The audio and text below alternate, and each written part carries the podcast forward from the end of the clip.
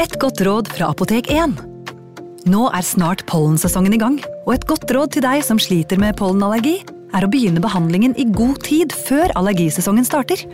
Da får du nemlig enda bedre effekt av legemidlene, og så blir ikke våren din helt ødelagt. Kom innom og få råd på ditt nærmeste Apotek 1, eller chat med oss på apotek1.no. Apotek 1 vår kunnskap, din trygghet.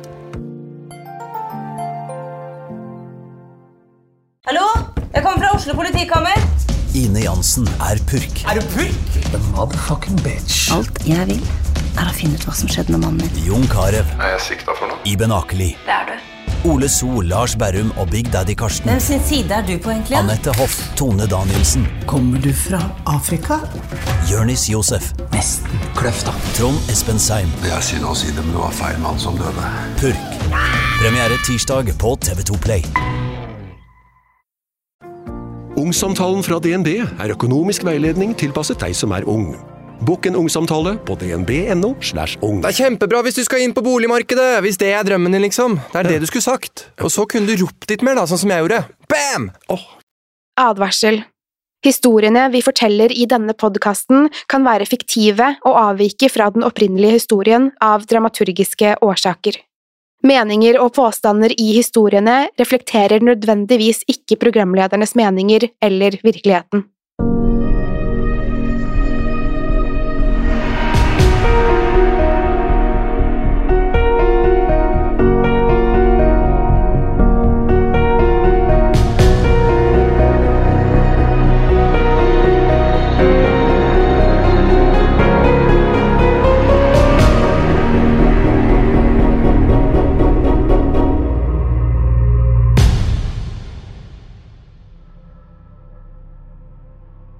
Da jeg var yngre, slet jeg ofte med å sovne på kveldene. Jeg kunne ligge i timevis og bare stirre i taket. Søvnen kom uansett ikke før solen var i ferd med å stå opp. Jeg var gjerne stuptrøtt hele dagen, men da kvelden kom, klarte jeg ikke å finne roen. Desperat etter søvn prøvde jeg alle slags tips og triks for å slappe av om kvelden. Jeg drakk urtete, mediterte, sluttet å drikke kaffe og tok til og med sovepiller. Pillene gjorde at jeg fikk sove, men jeg følte meg som en zombie hele dagen. Jeg trengte naturlig, sammenhengende søvn, men ingenting så ut til å fungere. Det var først for noen år siden at jeg fant en løsning på problemet. Jeg hadde prøvd å høre på rolig musikk, hvitt støy og avslappende lyder, men jeg følte meg likevel ikke trøtt. Det var først da jeg begynte å høre på skrekkhistorier at jeg klarte å finne roen. Av en eller annen grunn gjorde disse historiene om gjenferd og groteske skapninger at jeg klarte å slappe av. Jeg har vel aldri vært spesielt lettskremt, og har gjerne sett på skrekkfilm som ren underholdning. Så snart jeg begynte å høre på disse fortellingene, merket jeg at hele kroppen min roet seg ned, og før jeg visste ordet av det, hadde jeg forsvunnet inn i drømmeland. Det fungerte en stund, helt til livet mitt ble forandret av en forferdelig tragedie. Jeg lå i sengen og var akkurat i ferd med å sovne da telefonen ringte. Jeg valgte å ignorere det, men da jeg våknet neste morgen, hadde jeg ti ubesvarte anrop. Så snart jeg ringte tilbake, fikk jeg høre at foreldrene mine hadde havnet i en forferdelig bilulykke. Det verste var at moren min fremdeles hadde vært i live da hun ble hastet til sykehuset. Hun hadde skreket navnet mitt og hadde trolig ønsket å fortelle meg noe. Dersom jeg bare hadde våknet, ville jeg kanskje hatt muligheten til å prate med henne en siste gang. Jeg brukte lang tid på å komme meg etter sjokket. Jeg hadde ingen søsken eller annen nær familie, så jeg måtte ta meg av alt på egen hånd. Det var en tøff periode, og jeg var sykemeldt i lang tid. Det vanskeligste var likevel å bestemme meg for hva jeg skulle gjøre med huset til foreldrene mine. Hver gang jeg dro dit, ble jeg umiddelbart minnet på hva som hadde skjedd. Jeg visste ikke om jeg klarte å bo der, men jeg hadde heller ikke hjerte til å selge huset. Da det hadde gått noen måneder, begynte sjokket å lette. Dermed kunne jeg begynne selve sorgprosessen. Til slutt fant jeg ut at det var bedre å beholde en liten del av dem i livet mitt. Dermed pakket jeg sammen tingene mine og flyttet tilbake til barndomshjemmet mitt. Foreldrene mine hadde ikke forandret på noe siden jeg var en liten jente. Alt var akkurat som det alltid hadde vært, og det gamle soverommet mitt så fremdeles ut som rommet til en tenåringsjente som vokste opp på 90-tallet. Jeg visste ikke om jeg ville sove på mitt gamle rom, eller om jeg skulle overta soverommet til foreldrene mine. Jeg prøvde å legge meg i deres seng, men snart begynte tårene å presse seg på. Å ligge der minnet meg om da jeg hadde søkt tilflukt på rommet deres som barn. Det var så mye jeg hadde glemt. Plutselig husket jeg at jeg pleide å storme inn til foreldrene mine hver eneste natt. Jeg hadde forferdelige mareritt gjennom hele oppveksten, som ofte holdt meg våken om nettene. Det eneste som hjalp, var å ligge mellom foreldrene mine, men nå følte jeg bare en ubegripelig tomhet.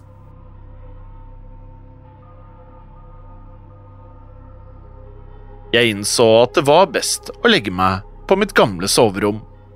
Jeg lå der lenge og bare stirret til taket. Månen sto lavt på den skyfrie himmelen. Jeg studerte de bleke skyggene fra treet utenfor vinduet mitt. Grenene så nesten ut som armer som strakk seg over taket. Som vanlig lå jeg og hørte på en skrekkfortelling for å finne roen. Men jeg merket snart at dette ikke var nok. Jeg hadde fått noen ekstra sterke sovepiller av legen min, men jeg hadde egentlig bestemt meg for ikke ta dem. Etter å ha ligget der i over to timer begynte jeg å føle meg desperat. Jeg gikk derfor inn på badet og slukte en av pillene før jeg la meg i sengen igjen. Jeg tenkte fremdeles på foreldrene mine, men jeg kunne etter hvert merke at søvnen nå kom snikende. Samtidig følte jeg en uro i hele kroppen. Jeg følte på en trang til å hoppe ut av sengen og løpe inn på rommet til foreldrene mine, men jeg visste at jeg var helt alene i huset. Det var heller ingenting å være spesielt redd for. Likevel følte jeg at hjertet mitt slo stadig raskere. Skyggene fortsatte å danse i taket, og av og til var jeg sikker på at jeg kunne se skikkelser som passerte over meg. Jeg knep derfor igjen øynene og prøvde å falle til ro. Skrekkfortellingen som jeg hørte på, handlet om et hjemsøkt hus. Det var også lagt inn en rekke lyder som skulle forsterke opplevelsen. Det var knirking i både dører og trapper, og negler som skrapte mot veggene, og desperate rop om hjelp. Vanligvis lot jeg meg aldri skremme, men nå var jeg livredd. Jeg ville skru av lyden, men jeg følte meg fullstendig paralysert. Hele kroppen min ristet, og jeg følte egentlig for å skrike. Jeg åpnet nå øynene igjen. Nå hadde skyggene tatt en helt ny form. Det var omrisset av en mann som strakk armene mot meg. I øyeblikket han skulle gripe tak i meg, kjente jeg et rykk i kroppen. Det føltes som at jeg falt. Jeg spratt opp av sengen og innså at det var morgen. Solen traff ansiktet mitt og lyste opp rommet. Skyggen som hadde angrepet meg, var nå borte. Jeg innså at det hele kun hadde vært en drøm. Mens jeg satt der, følte jeg meg som et barn igjen. Jeg begynte å huske ting som jeg kanskje hadde prøvd å glemme. Jeg husket hvordan skyggene hadde skremt meg som liten. Jeg fortalte ofte foreldrene mine at Skyggemannen var ute etter meg. Han kom inn på rommet mitt om kvelden og invaderte drømmene mine. Foreldrene mine kunne forsikre meg om at det ikke var noen grunn til å være redd. De sa at det kun var skyggene fra trærne, men jeg lot meg ikke overbevise. Det var ingen grunn til å være redd nå, men selv om jeg fortalte meg selv at det bare var et mareritt, så forsvant ikke uroen. Plutselig begynte jeg å forstå hvorfor jeg alltid hadde slitt med å sove.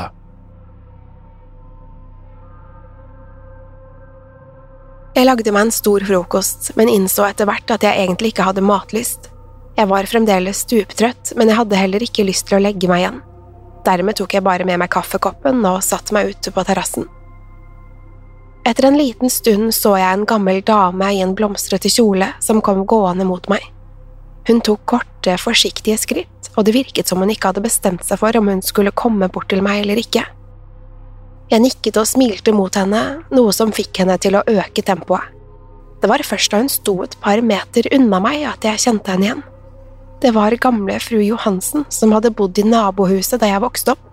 Hun hadde vært en gammel enke da jeg var et barn, men nå så hun nesten innskrumpet ut. Hun smilte forsiktig og spurte om jeg hadde noe imot at hun kom på besøk. Jeg spurte om hun ville ha en kopp kaffe, men hun ristet på hodet. Jeg har noe jeg vil fortelle deg, sa hun. Stemmen hennes var svak og knirkete. Jeg vet ikke om noen har fortalt om hva som skjedde med foreldrene dine. Trodde hun virkelig at jeg ikke visste at mine egne foreldre hadde gått bort? Hun var svært gammel, og jeg fryktet at den skrøpelige kvinnen var i ferd med å bli dement. Så du vet hva som skjedde kvelden de døde? fortsatte hun. Plutselig var jeg ikke helt sikker på hva hun mente. Jeg hadde blitt fortalt at de døde i en bilulykke. De hadde vært ute og kjørt sent på kvelden. Regnet hadde høljet ned da de kjørte langs en av de smale, snirklete landeveiene. Et eller annet sted langs denne veien hadde faren min mistet kontroll over bilen. De skrenset av veien, og bilen fortsatte rett inn i et tre. Da jeg fortalte dette til fru Johansen, virket det som hun sank litt sammen. Hun lukket øynene og sukket før hun tok et dypt åndedrag. Jeg er lei for det, kjære, du har rett, det var sånn de døde, men det er likevel ikke hele historien. Jeg så forundret på henne. Jeg visste ikke om jeg ville høre mer av hva hun hadde å si. Skulle hun fortelle meg at faren min hadde drukket? Han hadde alltid slitt med sine indre demoner. Faren min pleide å kalle det for melankoli, men i dag ville man vel kalt det depresjon. Han kom fra generasjonen som ikke søkte hjelp for sånne ting, og valgte i stedet å ty til flasken. Jeg visste at han hadde hatt det vanskelig, men jeg trengte ikke å høre fru Johansen spekulere rundt hvordan han døde. Det har alltid vært noe ondt i det huset, sa hun plutselig. Jeg har advart foreldrene dine mange ganger. Helt siden du var liten jente har jeg bedt dem om å komme seg vekk. Hva mener du? spurte jeg. Jeg tror du vet hva jeg mener. Du må vel også ha opplevd merkelige ting i huset, hørt uforklarlige lyder, sett skikkelser som ikke hører hjemme i vår verden? Jeg svelget tungt og studerte den gamle damen. Foreldrene mine hadde alltid unngått fru Johansen da jeg var liten. De sa at hun var en skrullete liten heks, og at jeg ikke fikk lov til å prate med henne. En liten del av meg hadde lyst til å fortelle henne om alt jeg hadde sett og hørt i huset. Men samtidig hørte jeg stemmen til faren min i hodet. Han hadde alltid insistert på at det ikke var noe mer mellom himmel og jord, og mente det var tåpelig å tro noe annet. Jeg satt der i flere sekunder før jeg ristet på hodet. Nei, jeg vet ikke hva du snakker om, sa jeg. Fru Johansen så forskrekket ut da jeg reiste meg og gikk mot døren. Beklager, men jeg har ganske mye jeg må få ordnet, sa jeg litt ampert. Foreldrene dine var ikke på vei hjem den kvelden. De rømte fra noe, sa den gamle damen. Vær så snill, kjære, ikke gjør den samme feilen som foreldrene dine.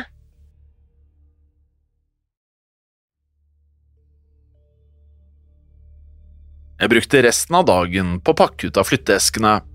Jeg hadde allerede begynt å planlegge hva jeg skulle gjøre med huset, det meste hadde vært utdatert på 1980-tallet, og nå føltes det som om huset holdt på å falle fra hverandre. Sannsynligvis hadde faren min tenkt akkurat det samme.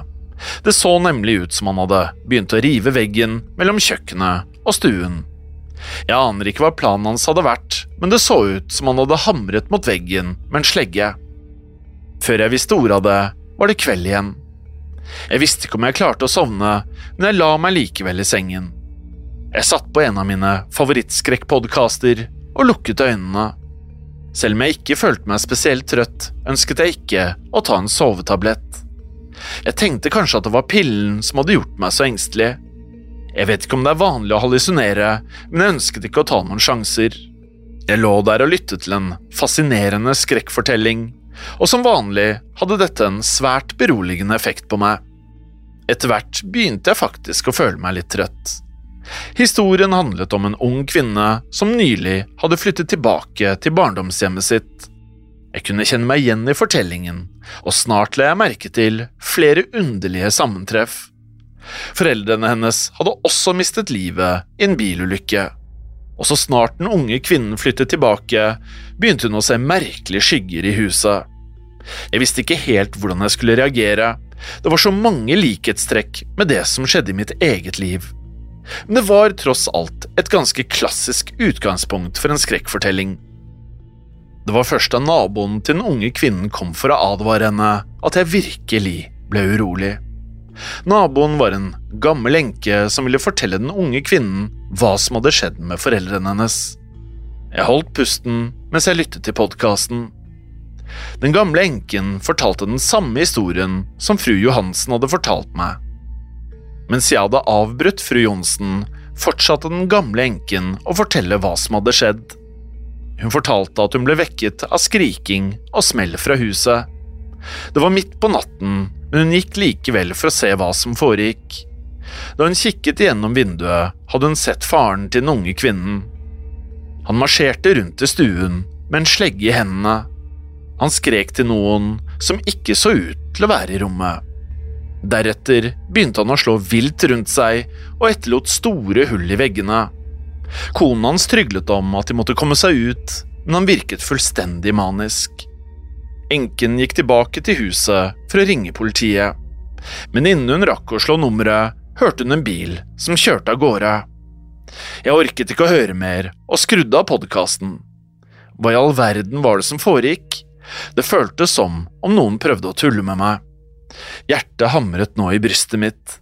Jeg visste at jeg ikke kom til å sovne. Uansett hvem det var som sto bak, visste jeg at fru Johansen måtte være involvert på en eller annen måte. Klokken hadde akkurat slått tre da jeg hoppet ut av sengen. Jeg tok på meg en morgenkåpe og løp ned trappen. Jeg var nødt til å prate med fru Johansen, men jeg ønsket ikke å vente til neste morgen. Jeg tok på skoene og løp mot nabohuset. Jeg visste at fru Johansen sannsynligvis lå og sov, men jeg klarte ikke å tenke klart. Hallo, du må åpne, ropte jeg mens jeg hamret mot døren. Hun åpnet ikke, og jeg kunne heller ikke høre at noen beveget seg. Men jeg ga likevel ikke opp. Jeg fortsatte å dunke knyttnevene mot treverket mens jeg ropte så høyt jeg klarte.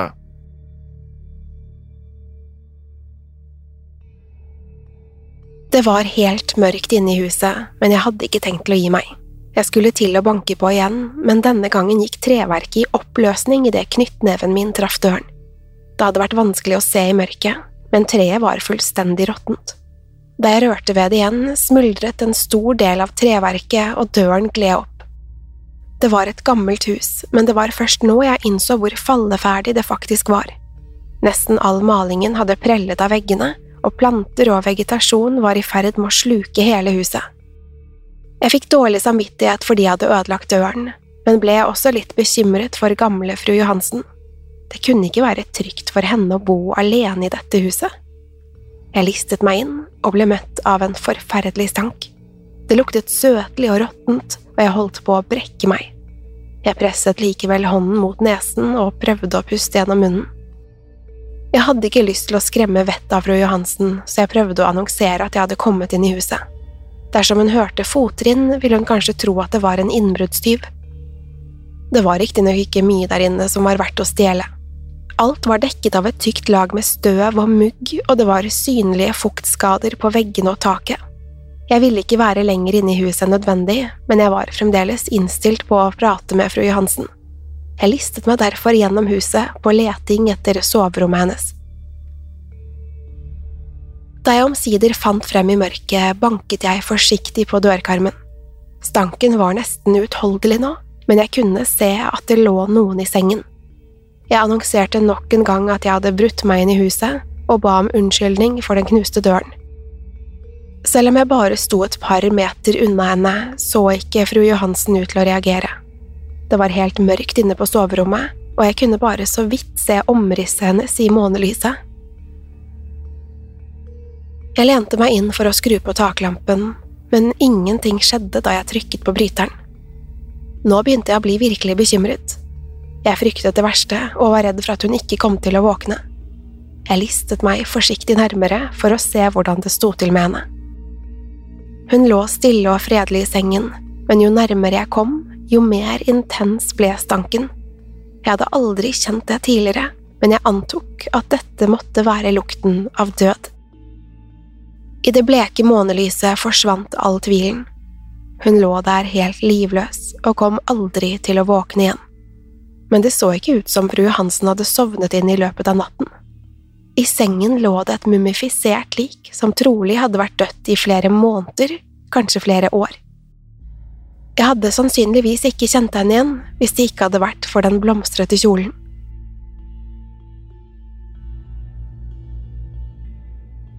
Jeg brakk meg igjen og stormet ut av huset. Fru Johansen kunne åpenbart ikke svare på spørsmålene mine. Det var i stedet hundrevis av nye spørsmål som jeg sannsynligvis aldri ville få svar på. Jeg følte meg fullstendig hjelpeløs, og jeg visste ikke hva jeg skulle gjøre. Jeg vurderte å ringe politiet, men jeg visste ikke hva jeg skulle si. De ville mest sannsynlig tro at jeg var gal hvis jeg sa at jeg hadde snakket med fru Johansen. Etter en liten stund innså jeg at det kanskje var et sted jeg kunne få svar på noen av spørsmålene. Det var ikke en rasjonell tanke, men jeg kom ikke på noe annet. Så jeg gikk tilbake til soverommet, hvor telefonen min fremdeles lå.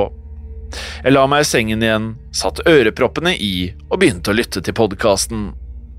Den unge kvinnen i fortellingen hadde reagert akkurat som meg. Hun hadde også bestemt seg for å oppsøke den gamle naboen, men fant i stedet et mumifisert lik. Redd og frustrert vandret hun tilbake til soverommet og la seg igjen. Mens hun lå der i sengen, begynte skyggene å danse rundt i taket.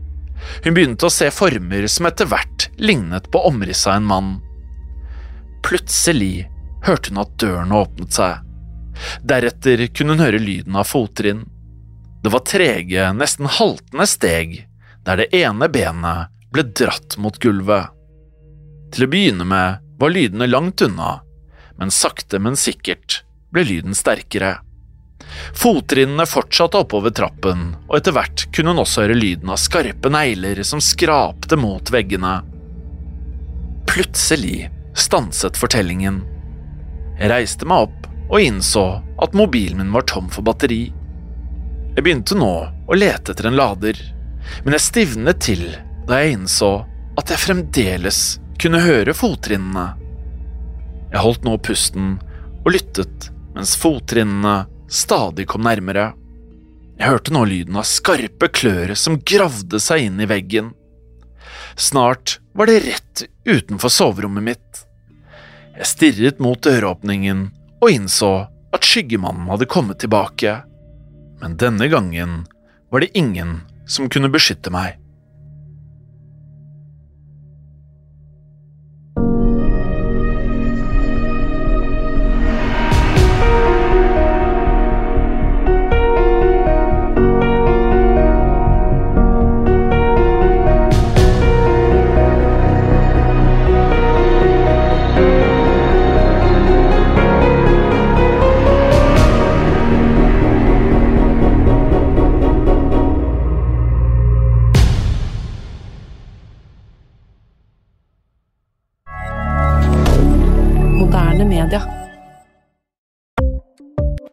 Ukens annonsør er Folio, en smartere banktjeneste for deg som har en egen bedrift eller ønsker å starte for deg selv. Folio er en superenkel nettbank for bedrifter. Som kunde i Folio får du en bedriftskonto med et bedriftskort og app. I denne appen er det smarte løsninger som forenkler regnskapet ditt, uansett om du har en liten bedrift eller et enkeltpersonsforetak.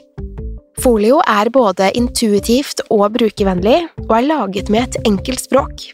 I tillegg tilbyr de forutsigbare priser og ingen skjulte gebyrer. Skulle du likevel trenge det, så kan du snakke med deres raske og hyggelige kundeservice, og der får du prate med en faktisk person og ikke en chatbot. Folio er med andre ord både enklere og koseligere enn banken. Over 10 000 bedrifter har allerede valgt Folio som sin banktjeneste, så besøk folio.no og se hvordan Folio kan forenkle din hverdag også. Har du et enkeltpersonforetak eller en liten bedrift? Da er du sikkert lei av å høre meg snakke om hvor enkelt det er med kvitteringer og bilag i fiken, så vi eh, gir oss her, vi. Fordi vi liker enkelt. Fiken superenkelt regnskap. Kiwi er billigst i VGs matbørs og har vært billigst i fire av de fem siste VGs matbørser. Og nå presser vi prisene på frukt og grønnsaker. På 200 gram broccolini setter vi prisen til 24,90. På 400 gram Cevita blåbær setter vi prisen til 49,90. Og husk, alle Kiwi Pluss-kunder får i tillegg 15% trumfbonus på all fersk frukt og grønt. For det er vi som er prispresserne. Og vi i Kiwi gir oss aldri på pris.